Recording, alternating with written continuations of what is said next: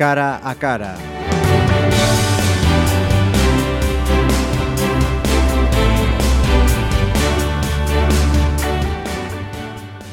Saludos en este cara a cara de Pontevedra Viva Radio. Nos acompaña una persona con, con nombre propio, podemos decir así, ¿no? Todos tenemos un nombre propio, pero ¿quién no conoce en Pontevedra a don Jesús Baliño? Bienvenido. Muchas gracias. El motivo de este cara a cara era porque llevamos viendo en su negocio un cartel eh, que pone jubilación. Pues sí, como todos, llega un tiempo que hay que pensar en ello. Yo era esto era para hacerlo ya el año pasado, pero las cosas, las circunstancias, el, y no me decidí. Siempre entra un poco de temor, ¿qué vas a hacer? Aguanta un poco más, pero este año dije yo, no, no, tiene que ser para adelante y, y que sea lo que Dios quiera, pero en fin, a todos nos llega todo. Es triste pensar en hacerlo, pero dado que sería echar piedras contra mi tejado si me, si me, si me perpetuase en mi profesión, porque por desgracia no hay profesionales, no hay quien me releve ni encuentro quien pueda... Que me releve quizá que sí en otro tema, pero profesionales, trabajadores, artesanos, o sea, que dominen el oficio como a mí me gusta, lo tendría difícil. O sea que nos está diciendo que cuando usted diga hoy va a ser el último día, no, no hay quien tome el, el relevo y continúe teniendo ahí una, una sastrería en la calle de la Oliva. Eh, verá usted, yo estoy mmm, a través de, de, mis años, bueno, fui quizá un imberbe o un pionero quizá en, la, en mi profesión, dado de mi juventud, pero eh, intenté relacionarme pues con otros profesionales. Yo siempre entendí que yo nunca sabía nada, o sea, sabía poco de lo mucho que hay por ahí, y lo sigo pensando igual. ¿eh? Entonces, este, ayer me llamaron ayer de, de Madrid, del Club de Sastres al cual pertenezco. Le quería preguntar algo por ello. Y comentando, comentando, y Jesús, pero aguanta un poco, tal, y no, no te, esto... Y yo dije, pero si llevo ya mucho tiempo, más otra cosa no encuentro, y es el plan es el cáncer que tenemos en nuestra profesión, que no hay gente que se dedica a esta profesión tan bonita y tan bella. Di que, por ejemplo, para ello hay que tener quizá, yo me, yo me forjé quizá a, través de, dicen que la Universidad de la Vida es cuando la mejor universidad, pero yo también con los ojos cerrados me eché para adelante y entonces Dios me ayudó. Con 3.000 pesetas en números rojos que no eran mías prestadas, una máquina pagada a plazos, plancha de carbón, una mesa de tablés con cuatro, cuatro largueros hecha, y un biombo porque no había esto sitio para probar y así empecé. Entonces, quiero decir con esto, con, este, con ese, ese tipo intrépido, pues eh, mis clientes, eh, bueno, me aceptaron, me relacioné quizá con los comercios de Pontevedra que yo no tenía pañería y gracias a las firmas Olmedo, Simeón, Carrasco, Godoy, Clarita y yo me fui a un piso, a, dos habitaciones que había en el Carabela, en el segundo piso. Entonces la gente compraba la tela, los forros y me llegaban allí con el paquetiño aquel y tal cual, entonces en un pasillo y tal, yo abrí la puerta. Queríamos facer este traxe, ah, moi bien, pase, pase. Este, entonces, e o xastre, o xastre son eu. Ai, que noviño, eh? Mire que nos valeu moitos cartos, a mi E entonces esto, la gente que, dado que estaba en un segundo piso e eh, que lo habían mandado no daban vuelta. Uh -huh. Si, si yo estoy en un, en un bajo piso, sé que aquella gente no confiarían en mí. Después, viendo con mi, pequeña, mi poca sapiencia, sapiencia de entonces, esto, mi manera de ser, los camelaba, hacía las cosas bien dentro de lo que siempre te vas perfeccionando, por supuesto, no tiene nada que ver lo que haces ahora con lo que hacías antes. Uh -huh. Perdón.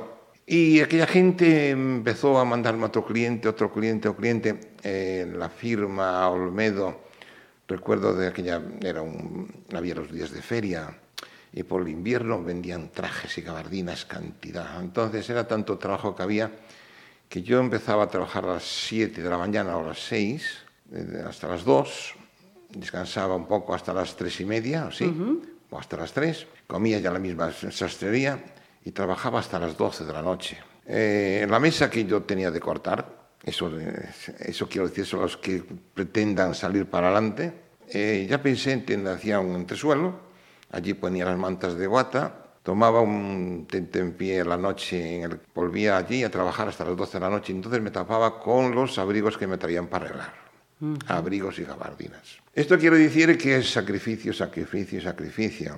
Y a golpe de, bueno, después claro, esos abrigos iba juntando, como yo arreglaba los abrigos, en la Casa Olmedo, Garita, Godoy, pues me mandaban trajes, me mandaban los clientes. Ajá.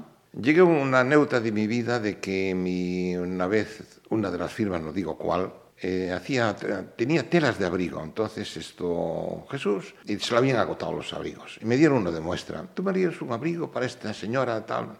Y yo recuerdo que yo tuve que negar mi propio trabajo, que estaba hecho, bueno, le quedaba a la señora impecable. de modelo hizo mi finada mamá. Y yo le hice el abrigo a aquel impecable. Entonces esta señora, en el baile del mercantil, donde estaba el Banco de Santander, dice, Jesús, ven para acá. Este abrigo me lo hiciste tú. Y dije, yo no, no, no, no, yo no hice ese abrigo. Yo no hice... Porque sabía que si decía que hacía, le había hecho aquel abrigo a los que se lo vendieron, le iba a decir, aquel abrigo me lo hizo Baliño y vosotros me habéis engañado y tal cual. Entonces dije yo, para no matar la gallinita de los huevos de oro, pues tuve que negar mi propio trabajo. Muchas anécdotas en, 56 años de, experiencia. Fíjese algo en común que tiene Pontevedra Viva y su negocio, que comenzaron en el mismo edificio. Pues sí. Pontevedra Viva también comenzó en el edificio del, del Sí, aquello, bueno, aquello, aquellos inviernos que, que, no, no, que duraban seis meses. Yo recuerdo que el edificio, como no tenía cámara de aire, de tanto que llovía, el agua se filtraba por el medio de las juntas de la piedra. Eh, otra pregunta que quería hacerle. Em, estamos hablando de, un sastre. ¿Usted se considera sastre o modisto? ¿O hay diferencias entre el modisto y el sastre? Bueno, yo soy sastre. Entonces, lo de modisto quizá que sea para la gente con confeccionar mm, ropa de mujer, de señora o señorita, vestidos, trajes de novia, trajes largos, yo puedo ser un sastre modisto porque hago abrigos de señora, pantalones, traje de chaqueta, pero sin fantasías. O sea, yo hago el traje convencional, se lo puede aplicar eh, la fantasía que se quiera, pero meterse en gasas, sedas, tules y todo eso, pues no. Aunque sí, yo admiro porque en esto de, mis conocimientos, de mis amistades en Barcelona, una vez tuve la suerte de rodearme de un modisto. Eh, entonces este hombre, yo me iba a buscar, dice que tenía unos apliques de, para los trajes, que tenía unos conocimientos de bordados, que se llamaban los bordados. ¿eh? Entonces que allí me podía orientar. Eso, esa dirección me la dio un proveedor de pañería. Este tal modista que existe todavía se llama Roberto Dalmau. Entonces estaba lleno de modistas. Yo, fui, yo ya me venía para, para, para acá, para Pontevedra. Y dice, Jesús, usted no va a ir al desfile de tal, tal Scherrer. Buenísimo, era... Aquello sí que es un desfile, ¿eh, Marisa. Aquello, yo quisiera, por aquello, le diré que aquello, le entrar en aquella, en el, me valió 500 velas, ¿eh? Ir a asistir a un... Al desfile. Al desfile. Y este, este tal Roberto Dramado dice, Jesús, no se marche usted sin ir a este desfile, que le gustará. lo que sea la primera vez, sino otra vez lo veo, pero lo he hecho hace cada año. Y me, Marisa, me quedé pasmado. Cuando veo aquella, aquellas, aquello era un el salón, el salón de Princesa Sofía, donde estaba sin columnas, un salón lleno de mujeres, todas de los más elegantes, de modistas, todas iban, lo cual mejor. Aquello pasaba me parece que pagaba, aquello era beneficio de, la, de los niños, esto de un hospicio, estaba la Marte Ferrusola, por supuesto, en aquel entonces estaba la, la, condesa, la condesa de Montarco, estaban otras, bueno, la, la, y toda. Florinata de la aristocracia. Y cuando veo pasar aquella, este, en el preaporté, empieza a pasar gente, o sea, trajes normales de confección, pero con un gusto eh, después empiezan con los trajes de... Se empiezan a desnudar. Primero abrigos, después trajes, después trajes de fantasía, después se quedan casi en ropa de edad. Eso pasa, el primer, primer capítulo es ese. Después, a continuación, viene lo de, lo de vestir ya bien, o sea, perfecto, igual que el otro, pero ya en otras calidades. Y cuando al final pasa esto, el gran vestir.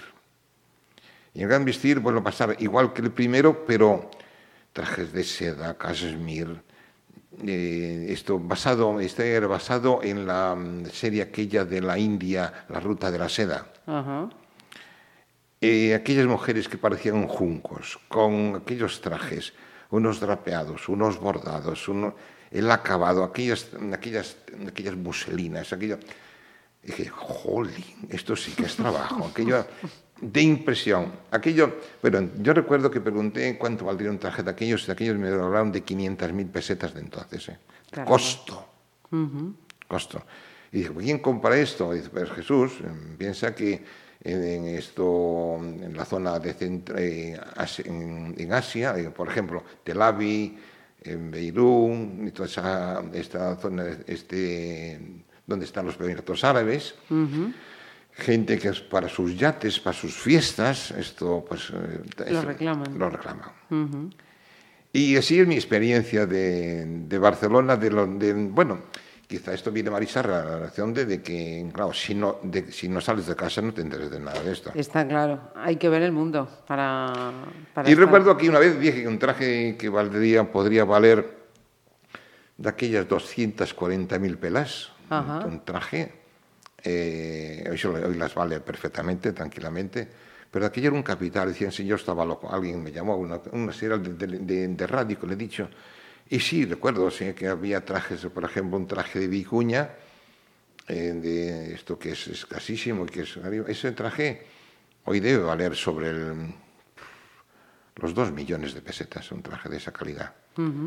¿Quién lo paga? Sé, sé, que hay todavía gente que lo paga. Que lo pague, claro, sí, sí, seguro. Entonces, Pongamos, por ejemplo, el, Slim eh, de, este mexicano, el Zara si se lo propone, y, otra gente más del Forbes y toda esa gente tienen medios para hacer, para gastarse y ser diferenciarse, pues no porque vayan vestidos de otra manera, sino por decir, no, yo llevo un traje diferente.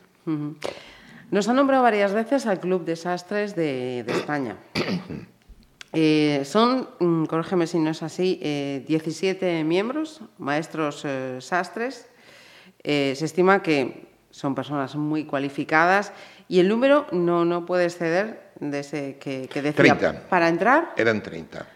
Éramos, Hay que ser propuesto, éramos 30. Si tienes que ser propuesto, tienes que ser recomendado por otro profesional, tienen que dar garantía de que tú eres esto un acreditado, acreditado y cualificado de la aguja eh, ¿Por qué no es solamente el sastre el que va y saca unos patrones y corta en unas medidas determinadas? No, hay que saber poner un par de mangas, unas mangas, esto, eh, hacer unos delanteros, o sea, esto parquillar los delanteros, que no sé, esto, el acabado de la prenda, y entonces eso es lo que debe ser para entrar en el club de sastres y después enjuiciarlo un comité que hay de, de expertos que dicen sí o no. O no los miembros del club votan. Ajá, sí. y como salga una bola negra... Ya es que no, que he visto. El objetivo de este club, don Jesús, investigar, enriquecer y conservar el arte sartorial español, que fíjese que es una palabra que yo desconocía hasta que estaba buscando. Mm. El arte sartorial. Mm, sí. Bueno, sí, el arte sastorial, porque por ejemplo dentro de lo de la sastrería lo que sí es, es muy, tiene que ir una cosa conjugada con la otra, tienes que saber lo que le tienes que eh, aconsejar a cada cliente, tienes que intuir el gusto de la misma, tienes que compaginar eh, su armario, o sea, las prendas que tiene con las que puede llevar. Nunca puedes engañar al cliente haciendo una cosa que no es lo lógico que dentro de eso conlleva. Entra quizá la cosa de la psicoestética, otra cosa que aprendí en Barcelona, que por ejemplo es, es muy complicado. Dice, profesional un sastre, un sastre como no te curres y como no te pulas, y la universidad de la vida es la que te enseña, pero en este caso la sastrería.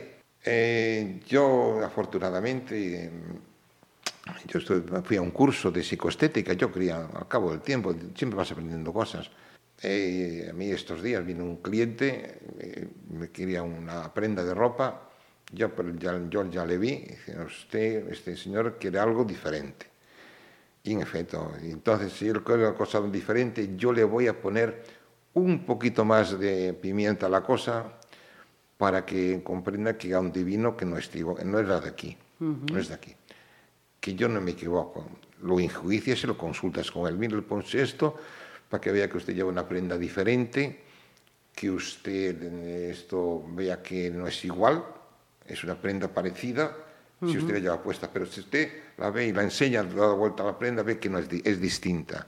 Pues sí, sí, hágalo a su manera y tal. En ese contratado de, de la psicoestética, ahí te enseña todas las cosas. Por ejemplo, viene un cliente así medio moderadito y tal y cual, y dice, no, trata de sacarle algo diferente para que no esté tan anodina la cosa. O sea, algo... Si él te dice que no, pues tú, bueno, cuando menos tú te salvaguardas que tú lo has intentado. Eh, si viene el señor, por ejemplo, acompañado de una esposa y la esposa es más bien joven, trata de vestirlo de joven. Si el señor es mayor o está se da mayor, tú haces el traje tirando mayor, porque si no, el traje no lo vendes. Si el señor le gusta esto, la fantasía y la prepotencia, o sea, ves con manera de, de taconear, de entrar, sin su manera, su pose, dice este, eh, pues tengo que vestirlo de esta otra manera. Si el tío nace millones como esa gente que salieron del fomento y de la construcción y tal cual, que, lo, que todo, todo nada, tenías que saber enjuiciar el gusto que tenía, hacerlo diferente, o de tal, manera que realzase su personalidad. Esto, en eso había, decir, veía una cosa del Quijote que bueno, parece, vísteme de tal manera que parezca, que parezca lo que, que no parezca lo que soy, quiero, que parezca lo que quiero ser. Bien, es una cosa así más o menos. Y así es la vida, o sea, que la psicoestética me ha pegado, o sea, me ha dado un baño y yo lo cual me agradezco de que me estoy equivocado si no hubiera ido. En esa web del Club Desastres, eh, una de las frases que, he leído mm, recomienda, para vestir bien es conveniente adquirir la ropa inteligentemente, claro. colocársela con esmero y para cada ocasión, y por último, olvidarse de ella y llevarla con naturalidad. Es decir, aquello de que la ropa no te lleve a ti, sino que seas tú quien lleve la ropa, ¿no? Sí, vestir con naturalidad, eso es fundamental. Por ejemplo, si vas en, parado con una prenda que te hacen y tal, tienes que darle una cierta soltura, no puedes esto ir esto ties como un palo, o sea, debe la soltura, no. Yo a veces digo, no, esto a los que se casan, por ejemplo, a la hora de entrar en la iglesia, esto mm, vas bien vestido con el botón traje no, pero después tú pues, suelta el, el botón, te anda normal, con tu manera de ser, y no, no te estés todo ahí, en, parece que estás engominado, con encorsetado, todo, encorsetado con eso. Y esa es la manera de, quizá, de, bueno, y lo que sí, en mi profesión tienes que hacer esto de tal manera de que el cliente comprenda lo que le dices para que luego lo realice. Y que vea que, que tú no le engañas, eh, la, la, la, manera de aconsejarle. Esto, Marisa, me estás hablando de muchas cosas que son de, la sastrería, de la moda, del saber estar, psicología. de comportarse, psicología, tal. Pero no has hablado de la parte económica. Eso me lo comentaba al comienzo, de la valentía, el arrojo que tuvo para los, esfuerzos. Eso es, eh, yo creo que como una a muchos negocios, ¿no? Eh, usted está hablando de la sastrería, pero aquel que quiere salir eh, adelante, yo por lo menos sigo pensando que gratis y, barato no es nada en esta vida. Y no, los, y los resultados no, no vienen así porque Hay una cosa que nadie da nada a cambio de nada. Y entonces, con tal motivo o te espabilas y andas y no te pisan. O te espabila la vida. Sí, la vida. A mí, quizá que me haya espabilado, la vida. ¿eh? Esto dice que las necesidades y las vicisitudes de la infancia te agudizan el entendimiento. Dije yo, o andas, o, andas. Si no, o si no, como decía un libro que, mm, bueno, que leí la frase, lo de, de, Manuel Benítez, el cordobés, que ponía más coronadas de alambre. Y el cordobés mismo, yo leí ese libro que era su historia de su vida, eh, de lo cual tuve suerte de vestirle. y, y, así era, así era esto. Y aquí una vez cuando venía, decirle, decían, Manolo, tú ahora viste, tú vives ahora como marqués, tú toreas por mí. Yo, y yo, y me enseñó las manos llenas de callos. Dice, yo me voy con mi gente, tenían unas porquerizas por allá, de, voy con mi gente a trabajar y si ellos toman un bocadillo de bonito, yo de bonito también. Y si ellos cogen el azadón y yo también cojo el azadón. ¿Qué tú qué te crees? Él pareció mal de cara. Quiero decir con esto de que esto nadie regala nada. Está claro. Nos acaba de citar el cordobés como uno de, sus clientes. Eh, nos consta, sabemos que hay muchos nombres eh, propios que han pasado por, por sus manos, pero mm, ¿en alguna ocasión ha rechazado eh, algún cliente o algún encargo? Sí, alguna vez, sí, por circunstancias de la vida. Que tengo, sí, alguno que dije que no le hacía el traje, que no, que para mí que marchara con... Me traía el paquetito precisamente. Y dije, no, fuera, que de aquí no, no, esto usted no le hago eso. Eh, nos comentaba al, al, comienzo de esta charla que no encontraba profesionales, no hay sastres a quien dar el, el, relevo, faltan profesionales en este, en este sector. ¿Por qué? Porque es un trabajo muy duro, porque estamos hablando de un trabajo, vamos a decir que artesanal, y a día de hoy eso no, no, no está bien reconocido. Yo creo que es el gran desconocido en nuestra profesión. O sea, a mí yo, gracias a mi mamá, que la pobre, yo no quería ser sastre, yo quería cualquier médico, electricista, me gustaba actividad, comerciante, sastre, eso para eso nada. Y entonces que tanto es así que le dieron las quejas, que yo que no aprendía, que yo me gustaban más novias, las novias, las chavalas, que sí, entonces mi madre a la noche me le dio la, la, cartilla y dice, no, no, hago espabilas si no vienes a trabajar en la huerta, porque patatín, patatán. Y, y entonces, bueno, me aprendí y me metí, y entonces esto, dije, no, no, aquí hay que hincar los codos como si fuera una lectura. Y salí para adelante, pero mm, yo recuerdo que cuando empecé, la primera semana, empezaba a trabajar un taller desaparecido llamado Confianza, el dueño se llamaba Eugenio Villaverde, para descanse, y eran dos socios, en tal esto Alberto Barcia, yo era un pinche también, entonces eran las fiestas de Marcón, y tenían cantidad de trabajo. Entonces este, yo eh, empezaba a las nueve de la mañana, la primera semana, pero la segunda tuve, había que empezar a las ocho de la mañana y salía a las nueve de la noche o diez y mi mamá no se lo quería, que tenía que salir a esa hora. Por encima de llegar tarde, a lo mejor caía algo, una, algún sopapo de donde venía aquellas horas. A veces me, me leía, me, me, mandaba una notita, Suso, saleu a tal hora de, de trabajar. Sí, sí, o sea, sí. Y no era solamente salir a esa hora, sino que yo vivía en Mourente y andaba cinco kilómetros en, el, en pleno invierno y atravesar tanto que fuese por el, el camino de la seca, uh -huh. aunque fuese por el Cartedorense, había Morente, el miedo que pasaba. Pero no había luces, no es como ahora que no, una, una farola uh -huh. cada 25 metros. Sí, sí. Entonces los inviernos tardaban, duraban seis meses y tuve que empezar. Luego después, después llegó un momento de, que, de no gustarme el oficio que yo trabajaba gratis para que me enseñasen. ¿Por qué? Porque esto eh, tenía que salir para adelante. Uh -huh. Y entonces, tanto es así que cuando fui a la mili, y dije yo, ¿cómo voy a salir con, con a los mis 19 años? Yo fui a la mili por la infantería marina y lo primero que busqué, dice, bueno, llevé, ya, yo llevaba ya hilo de darle agujas conmigo. Sí. Y aquí tendré que arreglar algún pantalón que otro y dice, bueno, fui a la compañía de, de, de, eso, de, de profesionales, la tercera compañía, y dije, bueno, ¿dónde está? ¿Dónde hay una bombilla? Hay una litera, y yo me, en vez de cogerme la, primer, primera... La de arriba. La, de arriba todo, porque así, cosía, mientras los otros dormían, acostábamos a las nueve de la noche, yo mejor me quedaba trabajando hasta las once, uh -huh. fue arreglando, arreglando pantalones y tal. Y de aquella iba, había mucho catalán, había mucha gente, de, entonces eh, había que eran muy presumidos, entonces yo lo grababa valencianos, valencianos y tal, vascos. Uh -huh. Y yo arreglaba los pantalones y me hacía dinero para la, para la, pobre de mi mamá, pero dentro de lo que podía, mandaba algún giro. Y yo se lo devolvía, que no quería el dinero. Yo ganaba más dinero allí que casi trabajando, trabajando. que trabajando fuera, en la, de paisano.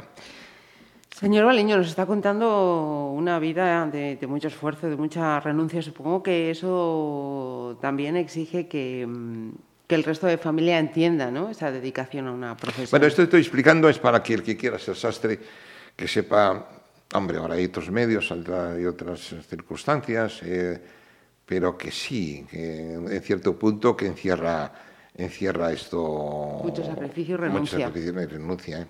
Satisfacción. Pues y su familia lo, lo, ha entendido, ¿no? Entiendo. Sí, sí, mi mamá después esto, meu filliño, para que traballas tanto, tal cual caí enfermo también al venir de la mili, esto porque trabajaba en una sastrería del finado Gomersindo Vázquez, luego trabajaba esto en casa, hacía por parte prendas para la sastrería, tenía ya mis clientes, cogí un principio de infiltrado, estuve a punto de palmarla, uh -huh pero todo con la idea de establecerme. Satisfacciones, pues yo tuve, antes decía, de personalidades, yo conocí, pues yo de, de las amistades que me une, el otro día estábamos con él, con el amigo Luis del Olmo, el cordobés, vistía el Pontevedra Club de Fútbol en el Carruelo, uh -huh. el amigo Luis esto en su, en su estudio, en su esto, emisora, pues tuve la suerte de conocer desde el doctor Puigvert a, este, a Marga Llosa, uh -huh. eh, Carmen Maura, y, bueno, entre otros, entre toda esta gente toda que, que pasaban por allí, él me los presentaba, y muchos eh, periodistas que iban por allí, dice, pero vamos a ver, ¿tú dónde sastrería? Porque iban viajaba mucho. Viajaba mucho por el medio, o sea, por el motivo de saber la moda en Barcelona y la moda Okay, aquí. ah. aquí. Uh -huh. Y entonces esto me hacía viajar continuamente, pues cada tres meses me iba hasta Barcelona a dar una vuelta y tal. El ser un, para la pasión, un culo inquieto. Uh -huh. Una vez que eche cierre a la sastrería, también lo comentaba al principio, yo estoy seguro que un culo inquieto, como nos acaba de decir, tiene muchas cosas que hacer una vez que no tenga obligaciones. Bueno, yo qué sé, tienes esto, tienes esto, yo qué sé, yo estuve endeudado toda mi vida, tengo, quizá podía escribir un libro con los directores de banco que he tenido que aguantar y otros me aguantaron a mí, pero hubo de todo, hubo de todo en la Viña del Señor. Gente que te amargaron la existencia, otros que no. Entonces esto, pues te vas haciendo un patrimonio. Tengo una pequeña casita ahí que hice, sé dónde está la primera zapata y la última teja, sé lo, cuándo está el primer grifo y, el, y la, la calefacción, y con eso decirte, quiero decirte de que um, ese es un capítulo para escribir un libro también. Eso, uh -huh. aquello de que, ¿cómo era aquello de subir un globo, esto, escribir un libro, plantar un árbol? Uh -huh. En esta vida hay que hacer... Hay... Bueno, bueno, a mí me falta subir, a mí me falta escribir el libro y subir un globo. Pero plantar el árbol uh -huh. y, y, hacer una casa. Y tener un hijo, dice. Tener un hijo, sí, plantar un sí, árbol, escribir un libro. Tengo una hija, sí. Pues señor Baliño, a ver si vemos eh, ese otro objetivo, escribir un libro, que anécdotas, situaciones Uy. y momentos hay, tiene muchos. Hay algunos pocos más. Yo le agradezco muchísimo que nos haya hecho un huequito y nos haya acompañado aquí este tiempo en los micrófonos de Pontevedra Viva Radio. Yo le agradezco vuestra atención, vuestra, os deseo los mayores éxitos como para mí. No sé si ha sido interesante lo, todo lo que he contado. Sin duda. Pero es tan real como la vida misma. Muchísimas gracias, ¿verdad?